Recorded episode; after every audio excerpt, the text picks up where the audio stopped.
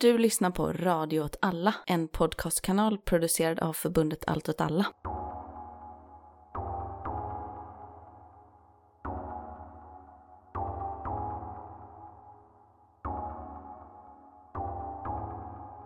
Hej och välkomna till Eldrörelse med mig, Martin Hansson. Och mig, Myran Andersson.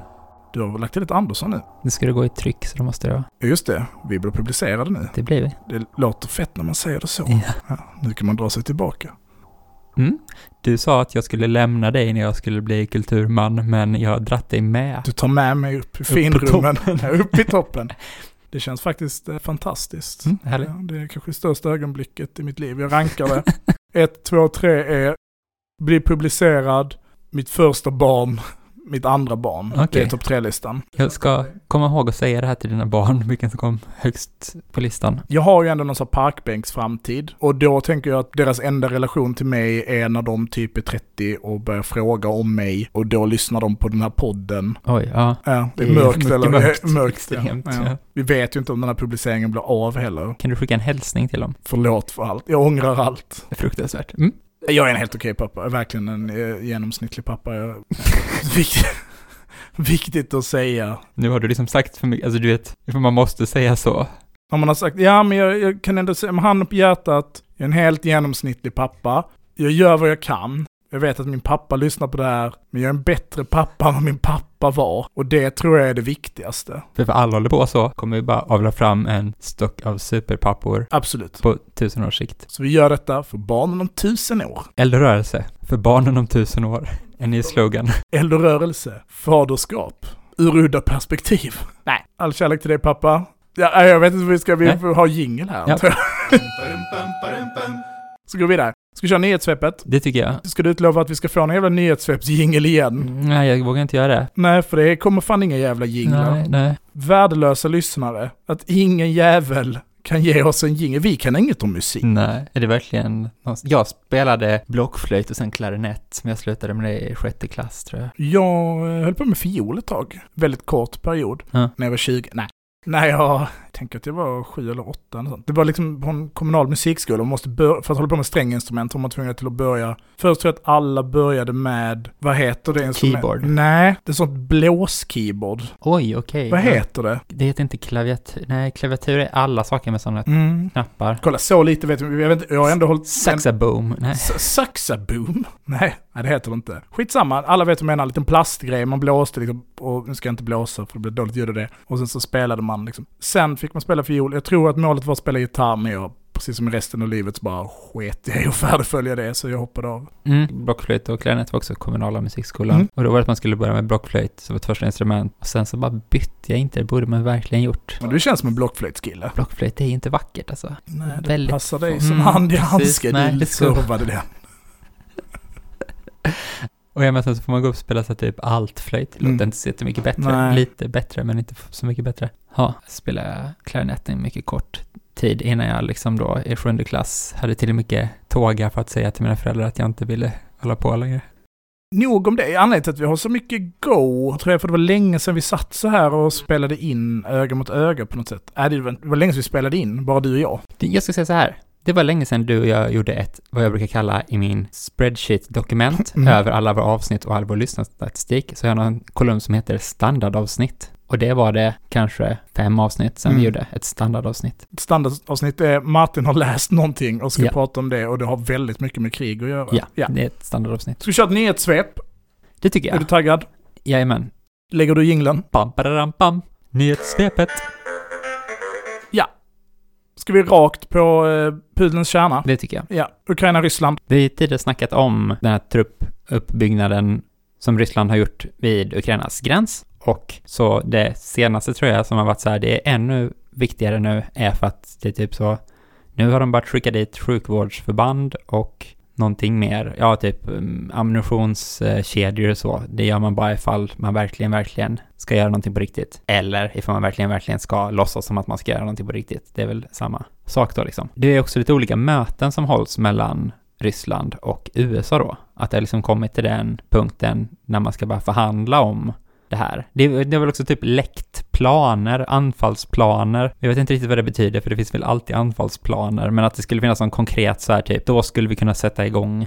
Man påstår det i alla fall. Ja. Du ser så skeptisk ut när jag säger det här. Vad är din take? Min take är väl så här. Tidigt i våras, alltså för ett år sedan nästan, så skedde ju nästan en identisk situation där Ryssland gjorde en ganska stor truppansamling på nästan 100 000 man längs den ukrainska gränsen, där det sydvästra militärdistriktet skickade dit massa trupper, massa byggde upp eh, ja, baser kan man väl säga. Eh, röjde plats på massa ställen för att kunna verka, flyttade dit massa depåer och elektroniskt krigsmateriel Eh, störningsutrustning och liknande. Och det här skedde liksom i samband med en ganska stor militärövning från NATOs sida som hette Defend Europe, eller något liknande. Som var samarbetsövning, det var inte så stort. Alltså det är stort för att vara NATO, men det var liksom 30 000 soldater eller någonting som samövade, olika NATO-länder. Och situationen nu är ju i princip identisk, förutom att det, som du då beskriver, att det är återigen massa BTG då som det heter, alltså Battalion Tactical Groups, som är den ryska liksom, manöverstyrkan. Det är deras struktur för att föra krig är via de här BTG då, som ingår i den här moderniseringen som kommer i samband med eh, Georgien-konflikten, som vi har gjort två avsnitt om. De heter någonting med Rocky-tunneln heter de.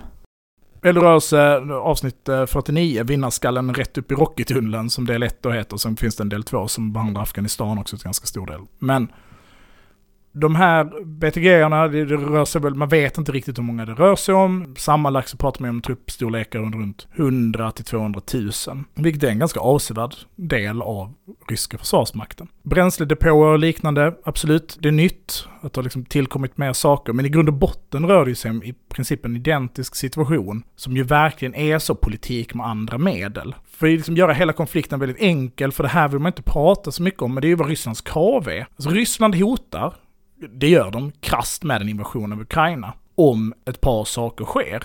Och jag kan säga att två av dem är väl liksom helt öppna diskussioner. De handlar inte om Donetsk eller liksom Donbass och så, det är inte som ju alla vill få det till, utan de säger typ om Ukraina går med i NATO så ser vi detta som ett direkt hot mot vår säkerhet. Känner vi igen det? Jo. Mm. Georgien 2008. Den andra saken de säger är om det placeras medeldistans eller teaterdistans, alltså theater. Alltså som skulle kunna vara i, under en krigs, vad ska man säga, ett slag eller under en liksom... En teater är ju ett område, skulle man snarare kunna säga liksom att... En front. En front, ja, ja. liksom att en... Eh, östfronten är en theater under andra världskriget till exempel. Sätter man missiler för att skjuta runt inne i en front här. Ja. Ja. Då vill man ha krig, säger Precis, och då, då hotar det vår säkerhet eftersom att det skulle innebära att ballistiska robotar till exempel skulle kunna nå Moskva på åtta minuter. Gör ni det så ser vi det som ett direkt hot mot vår inre säkerhet och det kommer vi svara på. Nu är inte jag proletären.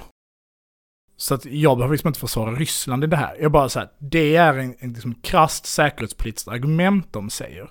Vi uppfattar att det här agerandet hotar vår nationella suveränitet och säkerhet och vi kommer svara på det. Så gör inte det. Det är vad Ryssland säger. Kombinerat då med att säga vi kan också göra det här. Och så visar de att de kan göra det. Varför är alla så jävla stressade nu då? Alltså, det är ju ganska likt Georgien 2008. Och då gjorde de det. Det skiljer sig på ett sätt och det är ju att de inte har den här, att Georgien anfaller ju faktiskt Sydossetien. Alltså det kommer man inte runt. Och Visst, de hade väl kunnat dra igång med liksom samma argument nu, men jag tycker bara att i alla fall i det som når mig, så är det ganska lite prat om liksom rebellerna i öst liksom jag hör inte den typen av argument i, i de nyhetskanalerna jag läser, utan jag tycker att det är rätt stort fokus från rysk sida på de här hoten mot säkerhet. Och det var det ju även i argumenten runt Georgien. Och då hela den här grejen med att det här är liksom ett brott mot löften och avtal som vi har skrivit. Men en anledning till att ändå det är kanske rimligt att hela liksom Europa blir lite tens då, är ju också då att risken att någonting bara skulle snöbolla iväg Absolut. ökar väl ifall man har den här situationen. Så någon separatistgrupp i Ukraina gör någonting, någon utbrytarrepublikgrupp gör någonting och sen så, det finns, vad ska man säga, bränslet finns där. Ifall gnistan kommer kan det faktiskt liksom tända så på något sätt. Jo, men och det är väl klart. Men då får man ju ställa sig frågan så. Om det, varför är det så jävla viktigt för Ryssland att Ukraina inte går med i NATO? Alltså varför är det så viktigt? Du ställer den till mig nu. Ja, för att Ryssland kan inte invadera ett land som är med i NATO. För då befinner de sig i krig med USA och det är ett krig de inte vill ha. Därför är inte NATO-grannländerna hotade. Kan, då är det så här, men då sprider det sig till Polen. För att kunna i framtiden invadera Ukraina så måste de inte vara med i NATO. Ja, det är ju rätt enkelt. Då får Ukraina ett politiskt mottryck mot Ryssland. Just det. Så att Men det är man olika pratar om förhandlingar. den här, ja, precis, men man pratar ju om den här snöbollseffekten. Om Mm. jag ska vara Rysslands apologet i det här, Mm. och det är jag verkligen inte. för Han, de kan liksom dra åt helvete allihopa. Jag bara säger att man ska förstå det här ur liksom ett strikt geopolitiskt perspektiv. Och det här pratar vi en del om i Eldrörelse avsnitt 38, förnedringsrån i 100 år. Så pratar vi en del om, om det här med intressesfärer och hur man ska förhålla sig strategiskt mot motparter i hela det här konstiga mutual assured destruction. För att då vara noga liksom förklara vad jag menar i den här liksom ryssapolitismen som jag håller på med just nu, så kanske jag menar att vill vi inte att det ska bli storskaligt krig mellan de här militära supermakterna eller regionala supermakterna, vilket Ryssland definitivt är, och man skulle väl kunna hävda att de fortfarande är en supermakt i någon mening, då kan man heller inte aktivt kränka vad de nationerna uppfattar som sin intressesfär. De andra makterna kan inte göra det, för det är då risken för krig blir, om man nu då konsekvent är emot krig. Och på samma sätt som, och det här står jag väl för att även om jag tycker att annekteringen av Krim är liksom rättsvidrig ur någon typ av internationell rätt, så är den så uppenbar att alla måste förstå att den skulle ske.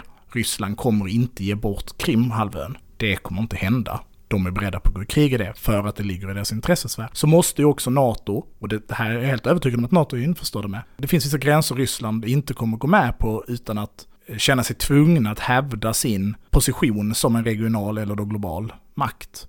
Och jag tror Ukraina i sig är ju inte det. För att hade det varit det, då hade de gått in betydligt hårdare 2014. Däremot så tror jag att de har haft en idé om hur utvecklingen i Ukraina skulle se ut och att de kommer kunna repetera det de gjorde med Georgien. För Georgien eh, annekterar de ju inte. Georgien tar de inte heller över det politiska maktspelet utan de bara ser till att Georgien inte faller i den andra maktens händer. Direkt i alla fall. Ja, utan att det här blir ett avsnitt om Ukraina och Ryssland och spänningen där så kan man väl säga att jag tror att det är det som händer nu är verkligen att det här bara är en del i förhandlingsspel. Och att Georgien var liksom det beviset Ryssland behövde producera. Vi är beredda på att göra det här. Och vi vet ju också vad USA gjorde när Ryssland visade sig vara beredda på att göra det här. Drog. De drog ja. För de har inget försvarsavtal med Ukraina. Och hade inget med Georgien. Och hade inget med Georgien, även om de var mycket längre in i processen att bli medlemmar i NATO. Och sen är det ju också så, jag tror att Ukraina kommer nekas NATO-medlemskap i North Atlantic Treaty Organization. Ukraina och Nordatlanten, okej. Okay. Men Turkiet och Nordatlanten å andra sidan. Och jag tror att de kommer bli nekade för att det är en sån liability. Och det har vi ju också pratat om tidigare i hybridkrigsföring och små gröna män-avsnittet och så. Jag behöver inte referera till alla, jag tänker inte leta upp numret på det också. Men jag tror att Rysslands gameplan är precis det de säger att de gör. Titta vad vi har. Vi är beredda på att gå in. Alltså styrkeförhållandena är farsartade. USA kan skicka hur många Javelin-robotar de vill. Det kommer inte spela, något, spela någon roll i slutändan. USAs och NATOs svar på vad de kommer göra ifall Ryssland faktiskt invaderar. Ja, Storbritannien har väl inte gått ut och sagt något explicit hur de tänker förhålla sig till det. Men USA säger ju det blir mer sanktioner och vi kommer liksom krossa Rysslands ekonomi. Vilket ju på sikt bara tvingar ihop Ryssland och Kina, vilket de ju väldigt aktivt tidigare har verkligen försökt förhindra. Ryssland säger, vi har de här red linesen, och jag tror att gasledningarna spelar väldigt stor roll i det här. Det har vi också gjort ett helt avsnitt om, men jag tänker inte heller leta upp. Det är ju det stora sidospårsavsnittet. Pipelines och sidospår genom hela jävla Östersjön tror jag det heter. Och de kommer ställa de här tre kraven, väst kommer backa ner. Ja, men det, det skulle jag också tro. Att det är något sånt som händer nu. Och att det bara är helt öppet. Alla bara, åh vad är deras hemliga plan? Och den här bild, heter väl tidningen. Det var ju de som läckte det här grävet om de liksom ryska anfallsplanerna. Och jag tittade på det och tänkte, ja det är väl klart att de har en anfallsplan. Ja, det var det jag tänkte också Ja. nämligen när jag hörde om det här, för det har jag ändå fått lära mig att alla länder har anfallsplaner för hur man ska invadera sina närstående länder. För att vad ska man sitta och fundera på ifall man är militär Det är väl land? direkt farsartat om de inte hade haft en anfallsplan. Om det skulle bli krig här, vad skulle vi göra då? Nej, vi har inte tänkt på det Nej, det innan. känns ju oartigt om vi skulle sitta här och spekulera om vi skulle göra då. Varför har vi den här krigsmakten? Nej, jag vet inte. Vi, får, vi styr upp något då. Vi, vi improv. Improv. Vi kör improv då. Så det är ju såklart inte så konstigt. Sen är det ju så... Nej, men det är väl en skillnad på ifall det finns sådana planer eller ifall man börjar planera för att man ska göra någonting mer konkret. Då säger vi att den 22 samlas vi där och sen så, alltså, det är ju en annan sorts plan. Ja, och liksom en annan dimension av det här, om vi då tar Georgien igen, så är det ju så att man tittar på utvärderingen av Georgien, alltså vad Ryssland är så här, det här, du kommer ihåg att vi pratade om att de var ju inte nöjda med invasionen av Georgien till. Även om det finns ju likheter även i upptakten till den, så är det ju att den bryter ju extremt mycket den nuvarande situationen bryter liksom extremt mycket mot hur de pratade om att upptakten skulle se ut eller den bryter extremt mycket mot hur deras doktrin säger att ett sånt här anfall ska gå till. Alltså för det första kan du inte hålla på med en långsam jävla uppbyggnad vid gränsen i ett års tid. Det blir ju liksom, ingen överraskad. Nej, vad, vad är det för force multiplier, överraskningen? Tvärtom så är det ju en kris vid ett annat ställe, truppförflyttningar snabbt, en stor övning man genomför i närområdet som truppförflyttar norrut mot Polens gräns till exempel för att snabbt kunna slå in överraskning. Alltså, det, så här gör man ju inte. Vi låter vår fiende förbereda sig. Vi låter dem verkligen diskutera hur de ska förhålla sig till ett eventuellt angrepp. Om de bara hade smält, NATO hade inte gjort ett skit. Hade de bara rullat in för ett år sedan, snabbt. För NATO hade okej, okay, vi måste vänta och se vad som händer innan vi bestämmer vad som händer. Ja, då är det ju över. Hur lång tid tror du det tar att ta Kiev från Belarus gräns liksom? Nej, visst. Tre dagar, ja. Så att jag kan inte, ja precis, omringade menar vi när vi säger ta, för mm. det kan ju ta bisarrt lång tid och sen röja ut. De vill ju inte annektera Ukraina. Lika lite som de vill annektera Georgien. Så att en invasion skulle ju också, då räcker det inte med, alltså en riktig invasion räcker det inte med några jävla 180 000, vad är det, 100 000 man plus 80 000 reservister, eller om det är 175 000 man plus 80 000 reservister som man pratar om är aktuella i den här eventuella militärkonfrontationen. Det räcker inte, du kan ju för fan inte ockupera Ukraina med 200 000 man. Det kommer inte hända. Mm. Och en ockupation skulle ju också kräva göra sig redo för ett motanfall från väst.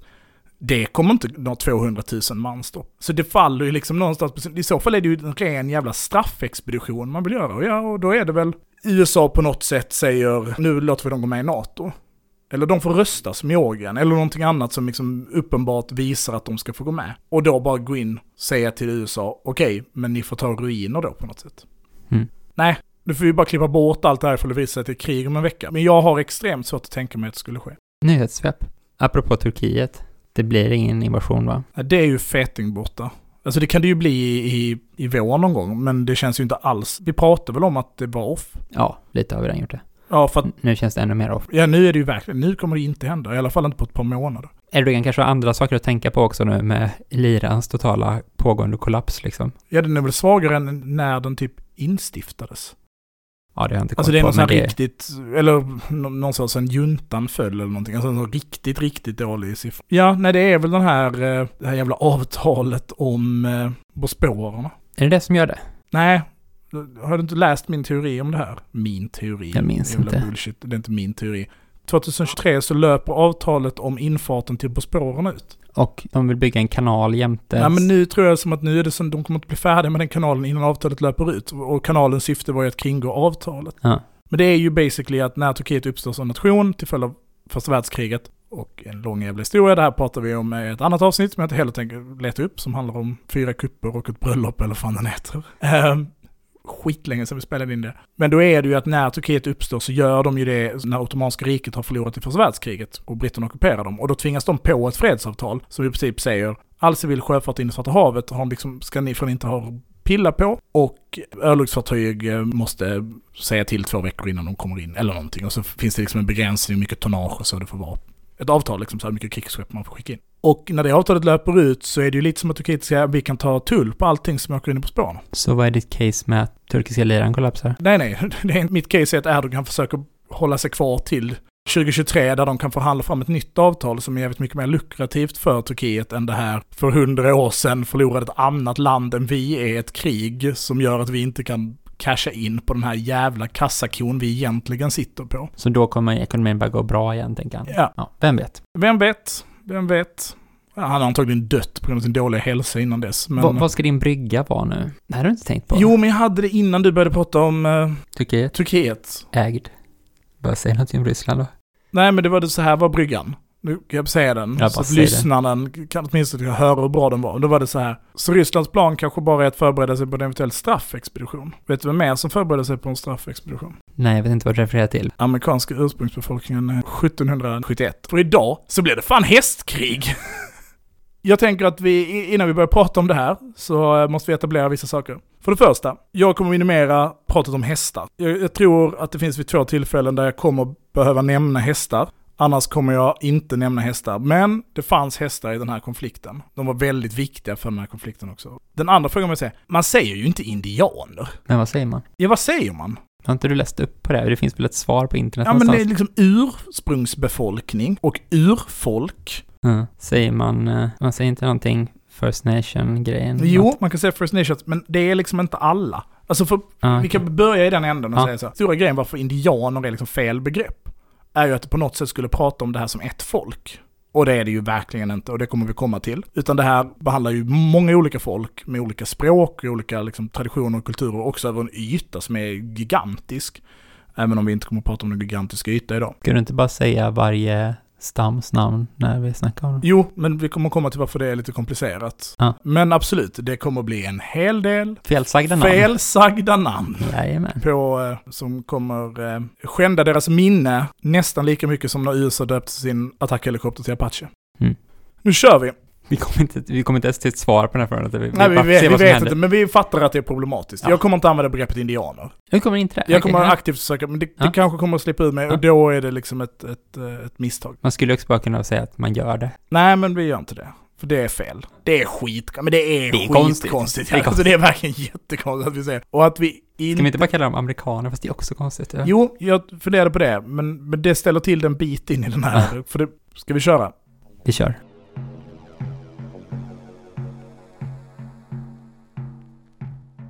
3 november 1791 slår USAs hela samlade armé läger precis på gränsen mellan dagens Ohio och Indiana. Då var det det man kallade the Western Territories. Mark som var odlingsmark, jaktmark och hem till flera olika folk. Mihotohesaniaki, Charni och Lenaper.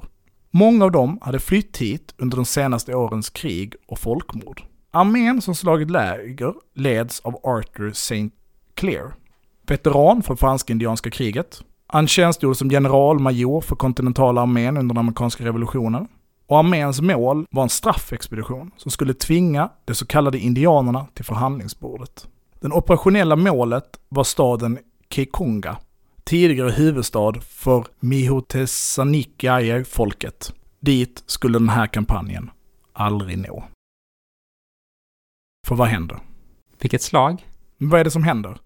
De... 3 november 1791. Det här borde bara sitta som ett Little rinnande Big Horn. Nej men för fan, det är typ 100 år Jag, emellan. ingen, jag har ingen aning om det Det här är en ganska märklig grej och det här är en, eh, en... eh, Jag har läst boken Autumn of the Black Snake. Skitbra bok, rekommenderar den. Den har gett mig extremt mycket nya kunskaper om en tid som man har rätt jävla kass koll på. Och när jag läst runt om det så är det ganska uppenbart att det här är också en bit historia som inte berättar så mycket om i USA. Utan precis som du säger så är det Little Big Horn till exempel ett slag som är väldigt mycket mer ombesjunget eller liksom upplyft som ett central. Det här vi ska prata om är USAs största procentuella militära nederlag genom historien. Och det är också en av de första gångerna USAs armé existerar och grunden till att USA överhuvudtaget har en armé. Det här slaget, som har ganska många namn, mitt favoritnamn är nog St. Clair's Massacre. Ja, det är schysst. Det är bra ja. Det är som ett bandnamn kanske. Eller bara St. Clair's Defeat. Så inte ens Battle Off, utan även om det har Battle of Wabash River tror jag det är liksom slagnamnet har. Men det heter liksom inte Wikipedia-artikeln, utan det heter bara St. Clair's Defeat. Det som händer är att den här armén, bestående ungefär 2000 man, har slagit läger uppe på en kulle i närheten av den här floden. Milismän har skickats ut för att eh, utgöra liksom första perimetern mot eventuellt eh, hotande fiender. När Washington, the Washington, George Washington har skickat ut den här armén, skickat ut St. Clair som också är typ guvernör för Western Territories, har han, sägs det då, gett honom ett råd. Don't let them surprise you. Man kan säga att på samma sätt som jag inte har följt mina studievägsledares råd, gör St. Clair. På natten så smyger sig en annan armé dit. De tar sig fram genom skogen. Det här är så stora jävla träd i skog utan riktiga vägar. Utan armén som tar sig fram gör i princip eh, vägar framför sig. Deras spanare betraktar den här illa byggda lägret. När den här armén, St. Clairs armé, hade börjat marschera för straffexpeditionen så hade de varit ungefär 2000. När de slog läger så hade de reducerats till 1000. Hur då? Sjukdom, men framför allt desertering. Okej. Så det rör sig om tusen soldater och milismän. Milismännen framförallt från Kentucky. Vad är det de ska straffa dem för? Kommer dit. Ehm, och de som sakta tar sig fram, den här andra armén, som ska möta den här invasionsstyrkan, som är på väg in i deras hem, är strax under 1500. Så de är fler? De är fler.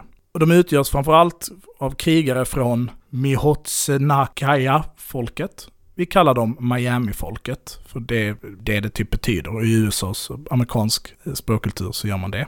Det var de som vars huvudstad det var.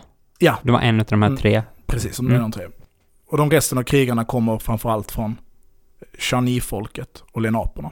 De leds då i sin tur av tre krigshövdingar, eller tre befäl. Två av dessa sticker ut som ledare i slaget i sig, även om planerna för det är ett resultat av liksom krigsråd som har debatterats länge mellan de här stammarna. Och det är Little Turtle, Lilla Sköldpaddan, från Miami-folket och Blue Jacket från Shawnee. Bra namn. Ja, det är coolt fan. Båda namnen är riktigt bra. Little Turtle var precis som St. Clair veteran från amerikanska revolutionen. Då för att skydda samma område från plundring av amerikanska patrioter. Som har försökt driva ut britterna från samma område som de verkar i nu. Från brittiska fort som fortfarande står kvar i området på sina ställen och är bemannade och beväpnade av britterna. Och var britterna då allierade med de här stammarna? Ja, det strider ju stammar på båda sidor i konflikten. Vi kommer komma till det, men, men just i det här området som ju ligger upp vid Lake Erie, alltså upp mot gränsen till Kanada, har britterna fortfarande mycket, mycket makt. Så Little Turtle är veteran från det här kriget på det sättet att han har stridit mot de amerikanska revolutionärerna i försvar av sin egen hemmark.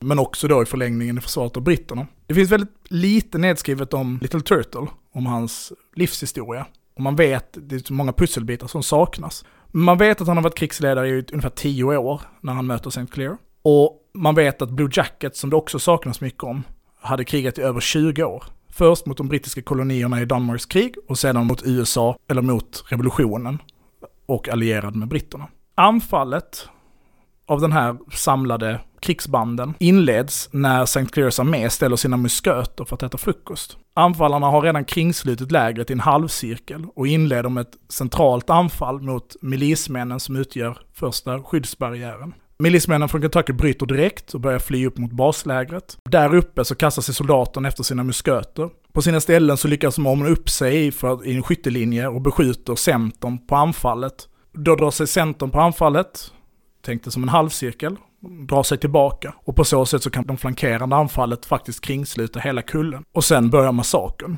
Trossen, som i det här fallet består av ett par hundra personer, kvinnor och barn och andra prostituerade och liksom hantverkare och så som har följt med. De flyr också upp på kullen. Under slaget så gör de amerikanska soldaterna flera liksom bajonettanfall i linje. Men det enda som händer när de gör det är att det de anfaller drar sig undan och löser upp sig. Gör en flankeringsmanöver och anfaller från sidorna.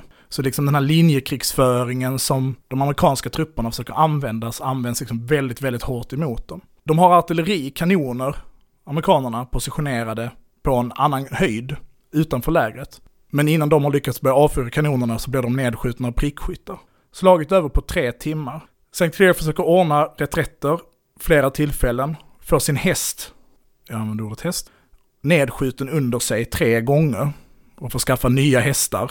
Då måste jag fråga, anfallet, skedde det till häst? Nej. Så det finns inte så mycket hästar inblandade där? Nej, men det är massa hästar som fört sakerna hit Ja. till exempel. Mm. Och sen ingår det kavalleritrupper då. Det kanske jag får säga det ordet. Mm. Mm. Utan att nämna vad de rider. De kan rida andra, på andra djur, strutsar till exempel.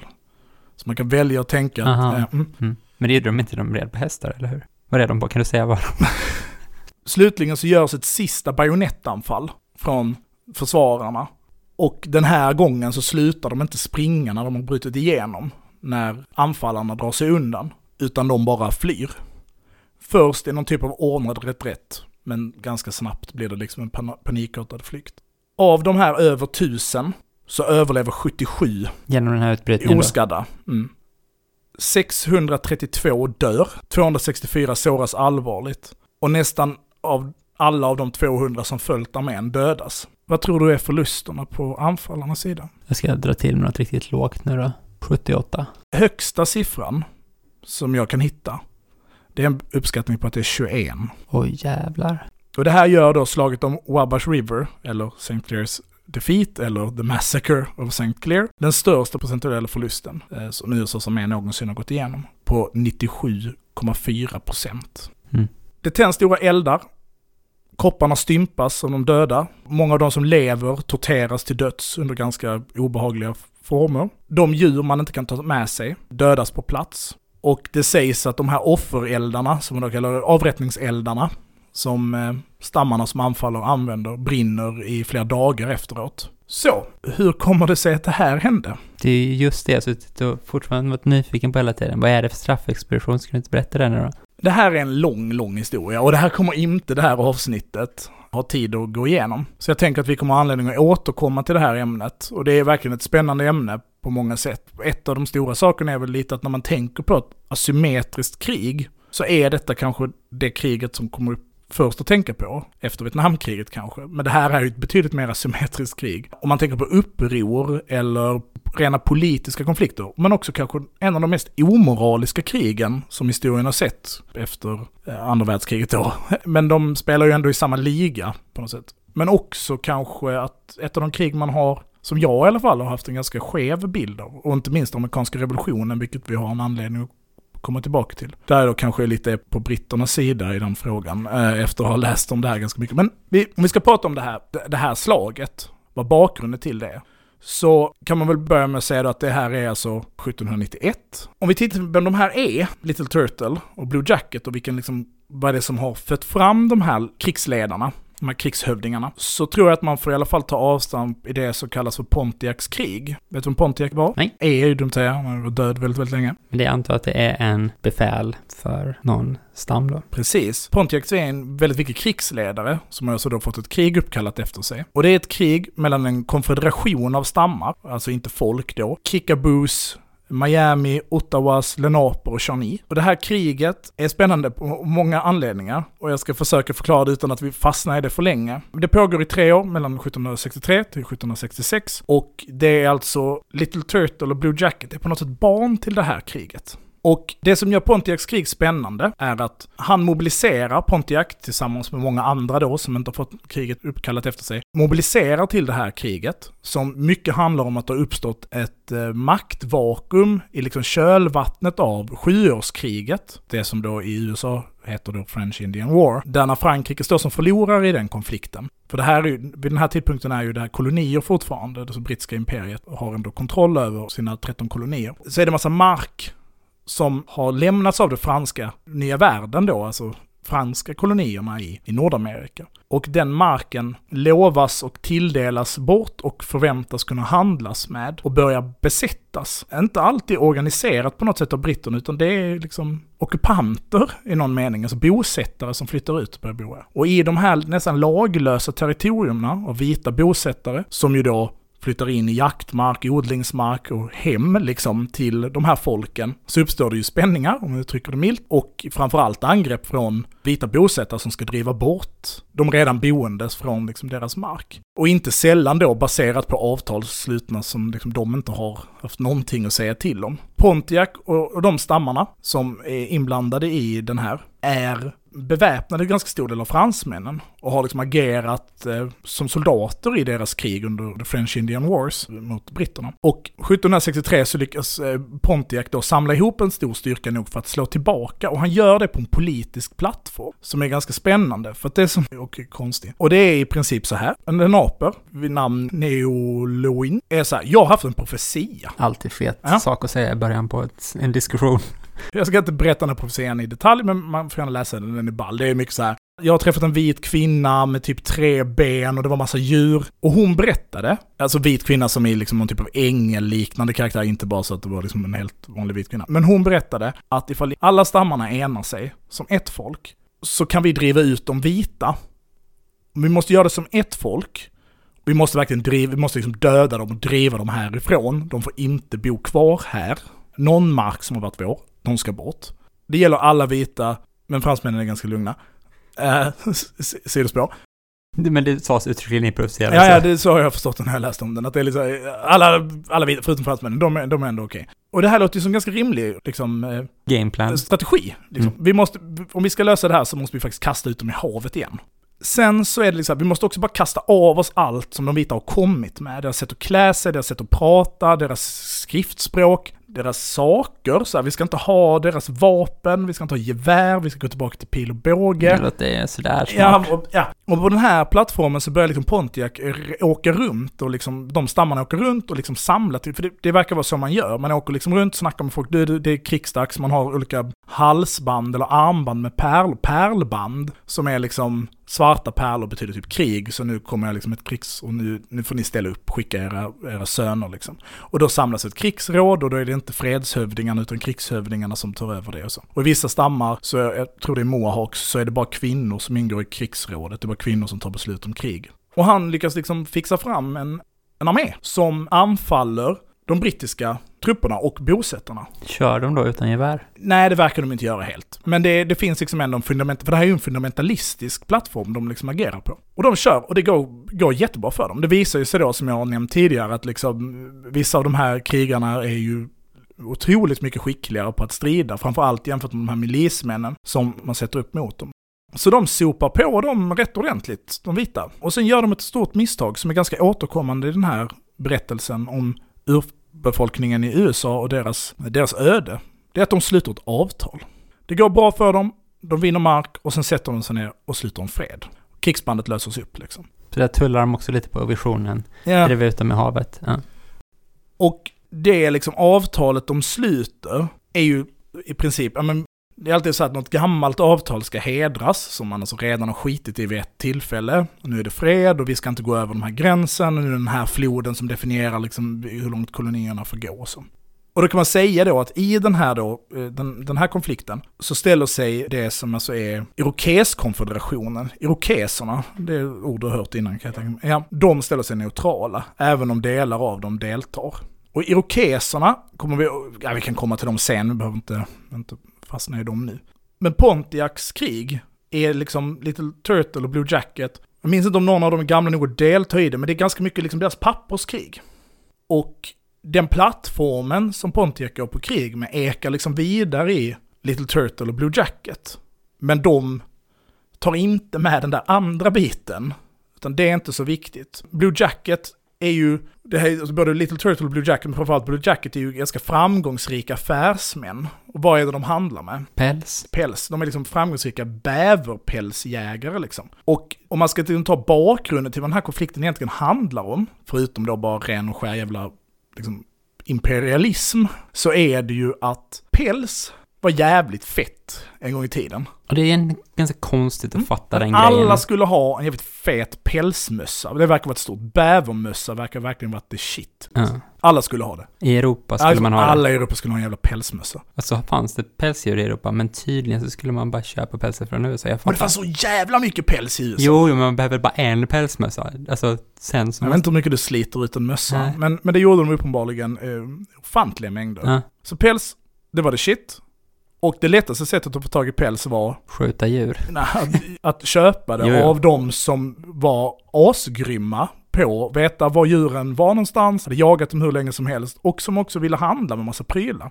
Och det är här liksom den här franska dealen kommer, att brittiska, framförallt från början holländarna och fransmännen och senare britterna förhåller sig lite, lite olika till hur de gör det här. Alltså fransmännen kan man säga mycket saker om. Fantastiskt duktiga på krig, oavsett vad liksom internet säger. Extremt duktiga på krig. De har haft, ja det är ett riktigt dåligt krig. Som de ändå shape upp på slutet, alltså andra världskriget. Resten har de ändå varit väldigt duktiga på krig. Men de är fruktansvärt jävla dåliga på kolonier. De är så jävla dåliga på att ha kolonier. De vet inte hur man gör. Napoleon måste så här snurra i sin grav Men hade han kolonier? Ja men eh, det var inte det, som var min poäng. Alltså Napoleons idé om att krig förs genom politik, att man liksom Ja, måste erövra, förändra kultur, lagsystem och allt sånt. Fransmännens sätt att göra kolonier känns ju som en nidbild av dem så här. Vi har tagit Indokina, ska vi hänga i Saigon och äta god mat och dricka vin istället? Så här, men ni ska inte försöka... Vi bygger palats. Vi bygger palats och har det gött. Ni ska liksom inte styra upp den här kolonin. Nej. De vet vad de gör. De kan köra sin grej. De är väldigt fattiga. Ja, jo, de är fattiga. Men de är ju inte vita heller. Nej, det är de ju förvisso inte så. Men nu bara har de massa vapen och så. Det verkar... Det, nej, men det är redo. Vi tar... Vi frågar om deras grannar vill döda dem åt oss. Vi testar. Nej, det gick inte. Nej, det är trist. Nej, nu förlorar vi den här kolonin. Så känns det ju jättemycket med, med, med Frankrike. Så det Frankrike gör och, och det här har ganska mycket med irokeserna att göra så vi kan dra det nu. Men det Frankrike gör är ju att när de kommer dit, nya Frankrike, franska nya världen, jag vet inte ens vad de kallar sina jävla kolonier. Eh, så jävla dåliga var de. Att vi inte ens vet spontant vad deras kolonier heter. Då så gjorde de så att de gjorde liksom en deal, framförallt med eh, huronerna, eller wendas, och eh, alloginska stammar. Så de är så här, ni får massa guns och balla prylar av oss, så bara fixar ni fram bäverpäls. Så mycket, så mycket ni kan fixa. Det vill vi ha. Då är det så att det finns något irokes konfederation då, liksom, det finns liksom ett, ett samfund av stammar som kallar sig för irokeserna. Uh, och det är stammar man brukar uh, känna till. För att Engels och, nej, kanske Marx mest hade en hard-on för dem, eller hur? Ja, kanske han hade. Skrev om typ deras samhällssystem som mm. en mer socialistisk liksom. Jo men det är mycket så råd och så. Vi, vi kan, ja. Men irokeserna bestod av eh, Onondaga-folket, Cayuga, Oneida, Mohawk och Seneca. Um, är de stora stammarna som liksom gör som ett bälte uppe vid um, i, i norra... Great Lakes? Ja, precis. Norra Nordamerika så går det liksom ett bälte där. Nära gränsen till, till Kanada. Och det här är också det som senare blir Western Territories till viss del kan man säga, även om de bara blir konsumerade fullständigt i massa olika deals. Men irokeserna då, de får istället kontakt med holländarna. Och det råkar också vara så att irokeserna som ganska mycket är så här, vi är de bästa. Så att alla andra bara ska lyda. Vi är också de här jävla liksom, konfederationerna stammar. Vi är en jävla maktfaktor. De har sto stora, liksom, säg att när vi pratar om antal är det ju inga gigantiska summor liksom. Men, men de, de är liksom en maktspelare.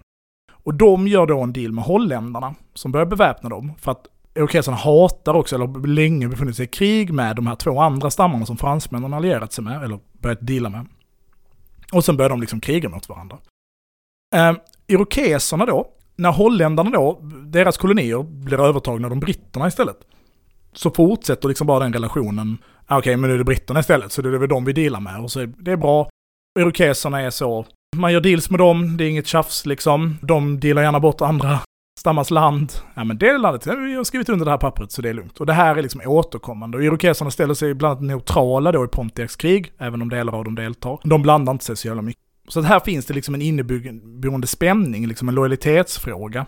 Som, som senare blir, blir eh, eh betydligt mer aktuell. För att, vi tar lite Pontiacs krig, men om vi bara tar liksom, det här är bakgrunden, men varför ska de utrota de här stammarna? Varför, varför ska de hålla på med det?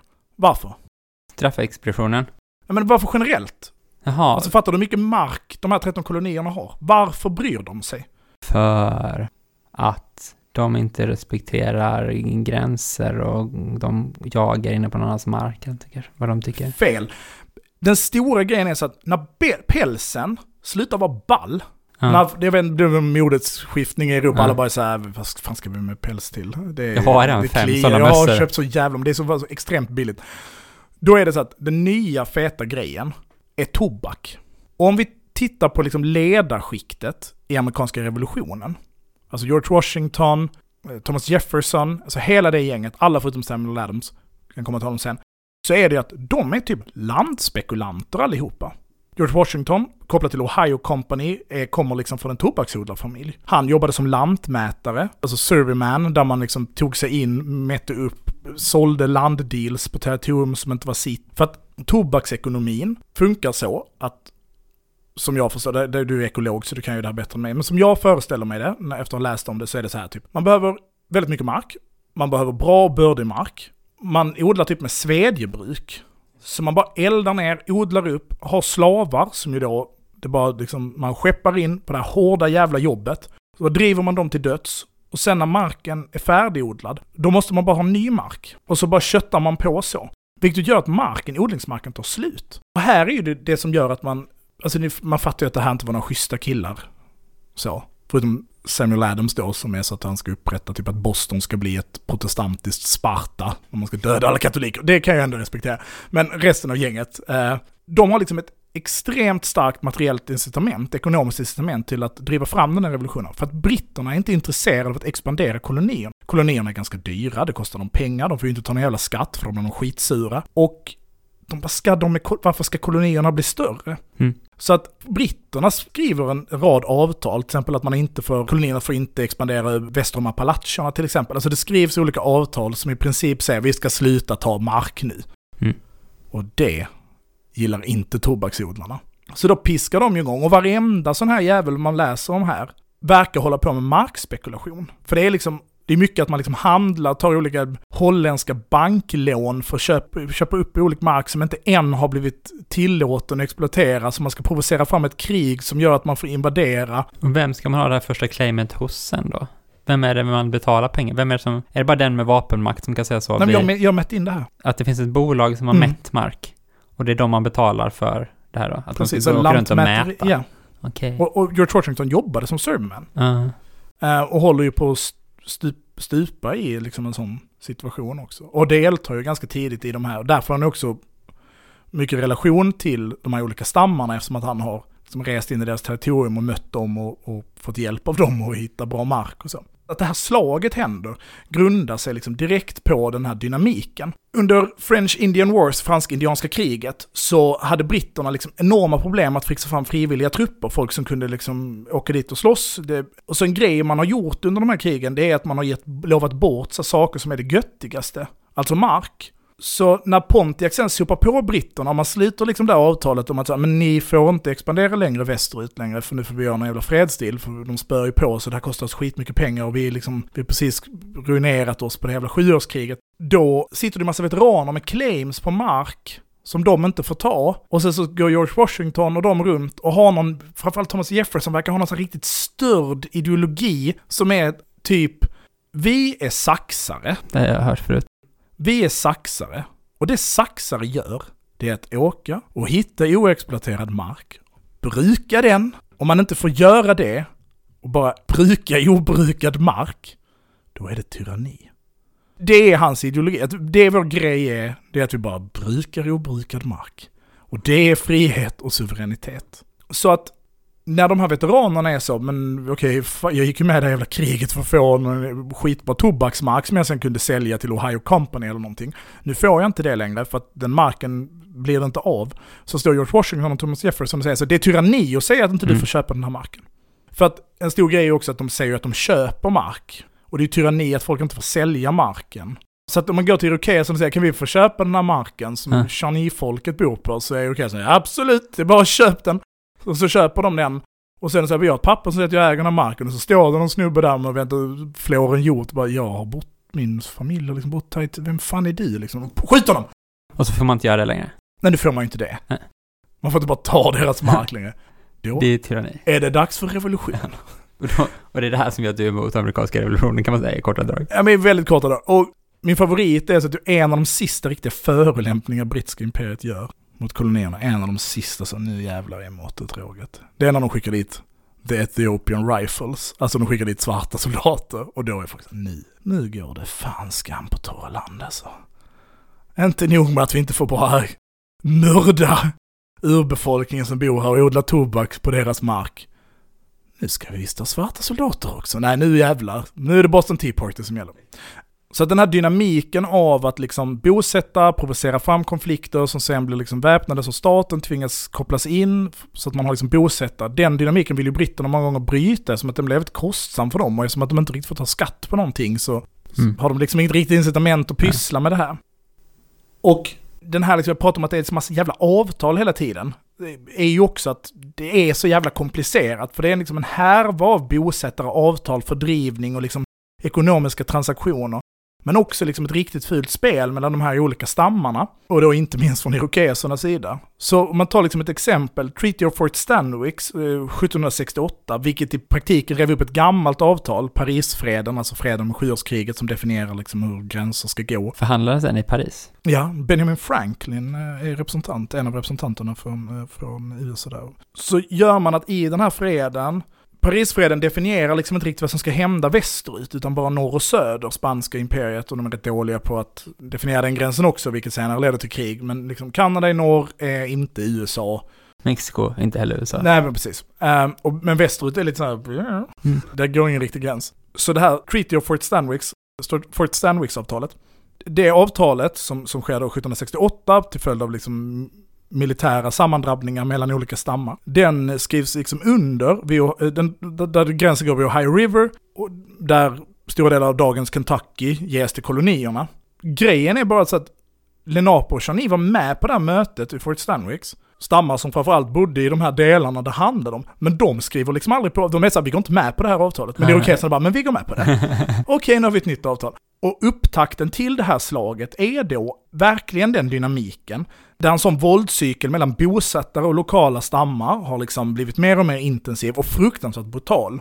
Och den är liksom brutal från båda sidor. Det debatteras mycket om det här med skalpering och var det kommer ifrån. Är det från början bosättare som får liksom betalt? Alltså uppstår kulturen av att bosättare börjar skalpera för att få betalt för skalperade indianer? Eller var kommer skalperingskulturen ifrån liksom? Men det är verkligen så, man hänger barn i, alltså, krigare hänger liksom barn i träd och sånt från ja. fienden. Alltså, och, och tortyr verkar vara väldigt, något konstigt stoiskt förhållningssätt. Att det, är liksom, det är tråkigt att tortera någon som bara börjar gråta, utan man ska tortera folk som Håller ut. Håller ut. Och det är liksom, det är mycket rävspel. En av mina favoritgrejer är när, när uh, George Washington, för det kan man väl säga då, att även om jag tänker att det är en fråga för ett annat avsnitt om liksom hur striden om den interna, hur USA överhuvudtaget får med. Men man, det, det, finns en ganska stor fredsfraktion i kongressen som inte vill ha krig. Och de, för att blidka dem så måste de skicka olika liksom, diplomater.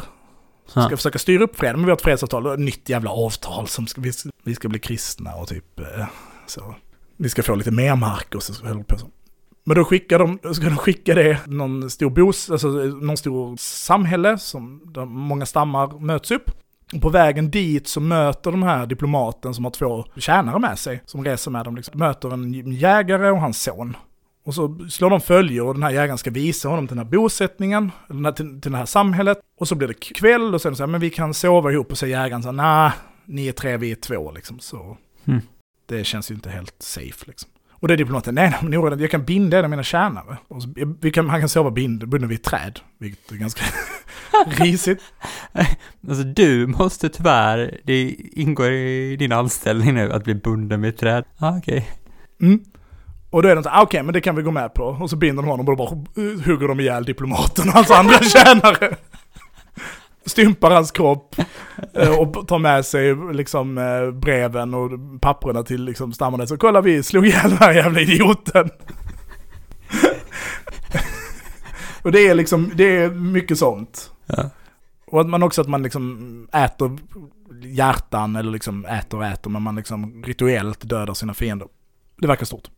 Men precis, det som har hänt då de här West, Northwestern Territories, som är de här territorium där, där, där många stammar har, har flytt från Kentucky och så de har flytt upp dit och, och bor där, framförallt runt den här staden vi pratade om tidigare. Det är att man nu vill liksom börja exploatera den här marken och där ligger brittiska fort i närheten som ju då genom proxy beväpnar bara med, med lätta vapen och uniformer, så man, man, man beväpnar ändå stammarna som bor där. Och det är en liksom jättekomplicerad, liksom, hår, eller eh, vad säger man, kabinettsdrama på något sätt där det är liksom olika förhandlingar där eh, ja, men den brittiska liksom representanten för det här, en högt uppsatt tjänsteman, är liksom till hälften Charny och hälften britt. Och det verkar liksom inte vara en grej utan... Så kunde det vara. Ja, och det kunde verkligen vara så. Alltså, det ska vara tydligt, om vi inte pratar så mycket om det, men man ska vara tydlig med att den här uppdelningen liksom vita, inte vita, förutom slavarna då, det verkar inte vara en så stor grej. Blue Jacket har till exempel slavar också, kan man säga, sin parentes. Inte några stora odlingsmarker eller så, han har det i, i sitt, som tjänstefolk. En kul grej. Men då är det att de här Northwestern Territories, de är ju exploaterbar mark. Det är mark som man kan lösa olika, man kan sälja helt enkelt. Staten kan sälja dem för att få in pengar till sin statskassa. För det är ju ingen jävla i de här kolonierna som betalar skatt till någon central, någon federal kassa. För alla är bara så, det är tyranni. Nej, men ska vi inte bygga den här kanalen då? Nej, men den kommer Virginia tjäna mer på än vi och så. Så de behöver in pengar, så de håller på att sälja mark. Och då är det ju då deras um, Secretary of War, deras första Secretary of War i USA då, är eh, Henry Knox, mm. som då har fått ge namn till Fort Knox. Eh, och även snuset som du har på bordet här. Ja, precis. Han och George Washington kommer fram till att så, okay, men den här våldscirkeln i, i Northwestern Territories, vi måste liksom få slut på den på något, vi måste tvinga dem igen på något jävla avtal, de ska sluta, de bara ska ge bort massa saker till oss. Så då sätter de ihop en, eh, en förexpedition, eller en straffexpedition, ganska likt så St. Clairs grej då. Och det här sker. Vi har fortfarande 1790. Vad ska man straffas för? För att man inte sett sig att förhandla. Okej. Okay. Mm. Varför får de inte bara ta er mark? Mm. Det är det straff. Ja, ja, det är det du inte förstår vad de ska... alltså de ska straffas för att de inte bara går med på att de bara ja. tar deras mark. De har inte riktigt gjort någonting. de har mer inte gjort det de ville. Så det är Precis, straffet. det är det som är straffet, ja. Och då kan vi säga att Henry Knox, som idag har direkt ekonomiska intressen i världen, han ägde skitmycket mark i Northwestern Territories, som alla de här andra snubbarna. Han har ju då, eh, de har satt ihop den här. De har gett en order till en, en kille som heter Hammer, Hamner, jag minns inte exakt vad han heter. Han eh, ska ta, eh, det är 1790 då liksom, så det är ett år innan St. Clair för på truten. Och den här expeditionen ska liksom helt fördriva de här eh, Miami-folket, framförallt då vid den här tidpunkten. Kan du bara ta det igen? De heter Miami-folket För att de bor vid är från- Miami-floden. Okej, och Miami-floden Den rinner... är skitlång. Ja, så det, man är inte i Florida. Nej, nej, det har inget med Miami-delstaten eller staden Miami menar jag. Det har inget med Florida att göra. Och så det är målet även den här gången är ju liksom mot det här samhället Kekonga, den här staden Kekonga. Och man sätter upp, ett, då är det 320 reguljära soldater och en 1200 milismän som ska skickas in liksom för den här, ska köra. Det här är alltså ett år innan. Man går in, man är extremt odisciplinerad, man bara plundrar och skövlar, det kanske också var planen, å andra sidan man tänder eld, man dödar massa civil, man dödar liksom alla man kommer åt. Och så till slut så börjar man liksom nå utkanten av Kekonga. Man möter, liksom, man har ju liksom hela tiden den här idén om att man ska nå det här avgörande slaget i liksom någon nästan eh, Clausewitz mening. Mm. Men det gör man ju inte, för att det är inte så de här stammarna strider. Så att man utsätter istället bara för massa räder hela tiden. Man skjuter ihjäl deras hästar, andra gången Mm. jag använder. Och, och deras packdjur generellt, oxar och, och andra fyrbenta djur. och man utsätts också för massa roliga, eh, roliga Pranks. överfall. Ja men det här är ändå, det här är en av mina favoritgrejer med den här grejen. Den här när Hamner skickas in för att ta Kekong. Och det här går också riktigt på röven. Det går inte lika mycket på röven som med St. Clair, men det är verkligen så. De borde ha lärt sig någonting av det här.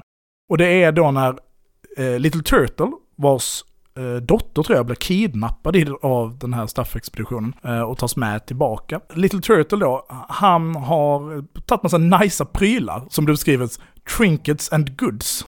Japp. Ja, nicea prylar. Ja. Han har tagit massa nicea prylar, så han har lagt i en dunge. Han har liksom strött ut det i en dunge. Och så hittar liksom de här milismännen det. Och så här, fan det är massa schyssta prylar här inne. Så de går in, tänder en eld för att kunna hitta prylarna, liksom det blir natt. De alltså bryter loss från sin kolumn, går in i den här skogen, den här dungen. Varför ligger det massa kanoner? Och så blir de överfallna, allihopa blir typ nackade. Väldigt kul att man inte drar slutsatsen någon har lagt ut massa luddiga prylar. De, på nej, det är så här, det är så det funkar här. De, bara, de har så jävla mycket prylar, de bara slänger det på marken. Jag föreställer mig att de har hängt dem i träd. Ja, för att de ska synas. Ja, så att, precis. De måste hur hittar de dem från början? Ja. Och det är egentligen den här kampanjen som är liksom, när den har gått på röven så är man så här, fan det här var inte bra. Nu är de kaxiga alltså. Vi måste sätta upp en ny Mm. expedition. Och George Washington är då till St. Clair så här, för helvete kompis. Förra gången gick det bra. Det här gick på röven för vi blev överraskade hela jävla De tiden. dumma jävlarna skulle ut och leta Ja. grejer i skogen. Så håll det tight nu va. Och vakt och sånt, bli inte överraskade. Och det är bakgrunden till eh, 3 november 1791, USAs enskilt största procentuella militära förlust. Mm. Snyggt.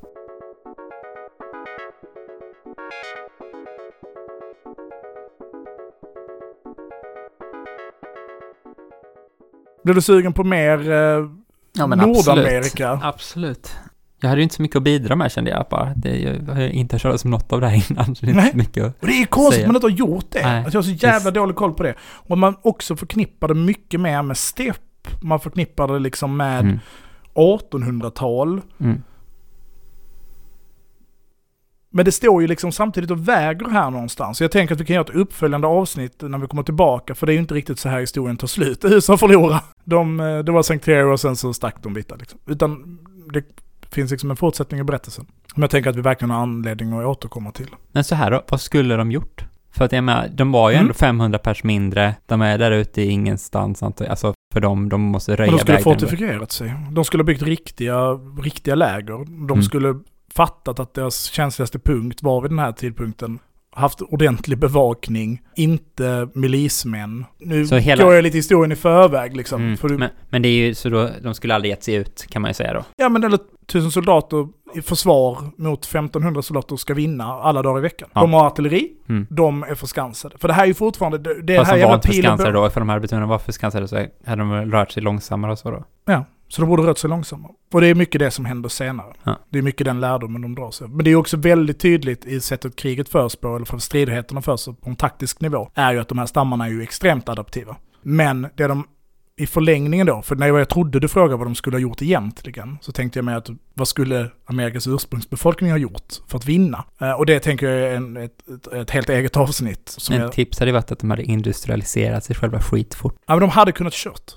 De skulle kört. De skulle kört efter det här slaget. Och så skulle de bara bränt deras städer. Och här finns det ju, för det finns ju många paralleller att dra till de konflikterna jag kanske framförallt läser, alltså, alltså samtida konflikter. Både i fråga om proxystyrkor, alltså det är ju jättetydligt hur de här stammarna spelas ut, även om de, de befinner sig på båda sidorna. Men det är ju mycket att britternas incitament till att beväpna dem handlar om att liksom försvaga, men de beväpnar dem aldrig så att de faktiskt kan bli en riktig styrka. De får inte artilleri själva till exempel, så de kan aldrig angripa de här lägren, de här riktiga forten. USA bygger senare. Um, men det är också det här med hur milismän defensivt, eller liksom strategiskt defensivt, ofta fungerar väldigt, väldigt väl, men har extremt svårt att överföras till, till offensiva operationer. De kan, de är otroligt skickliga på att försvara det de uppfattar som sitt hem. Mm. Men att vända det till liksom operationell slagstyrka mot fiendens liksom point of gravity, det lyckas de aldrig riktigt med. De, tänk om de hade bränt Washington. Visst. Det, det hade inte, de hade ju inte kunnat faktiskt folkmörda alla i kolonierna. Men de hade ju kunnat göra, dra det till en punkt där De fick bättre deals på något sätt. den här, defens, den här definitiva och kanske också tj- tjänat britternas intressen så pass mycket att britterna hade accepterat en annan linje. Mm. Även om det nog på sikt inte heller hade slutat så bra. Det är väl det man tänker att på ett eller annat sätt så hade det ju inte löst sig, tänker jag, liksom så. Mm. Jag tänker att vi ska ha med min pappa i ett avsnitt och prata om, om, om den här historiens fortsättning. Framförallt eh, koppling till modern tid. Men för det är också en ganska stor skillnad mellan USA och Kanada. Även om de, de här stammarna, många av dem flyr ju upp till Kanada slutligen, och då under brittiskt beskydd. Blir ju fruktansvärt illa behandlade. Men det finns ändå liksom en kvalitativ och kvantitativ skillnad mellan det som händer i, i USA jämfört med det som händer i Commonwealth eller det brittiska imperiet. Mm. Nu blir det här ett jättelångt avsnitt, men det blir inte långt nog för att dela i två. Nej, det blir ett långt avsnitt. Det blir ett långt avsnitt. Tack så jättemycket för att ni har lyssnat. Tack så hemskt mycket. Eh, man kan följa mig på Twitter, där heter jag at trojkan 1337. Heter att slukhall. Man kan eh, följa vår Instagram. Eld.och.rörelse. och. Och man kan, eh, ja vi har en Facebook också. Den heter eldrörelse bara. Gött. Ha det fint, hejdå. Hejdå.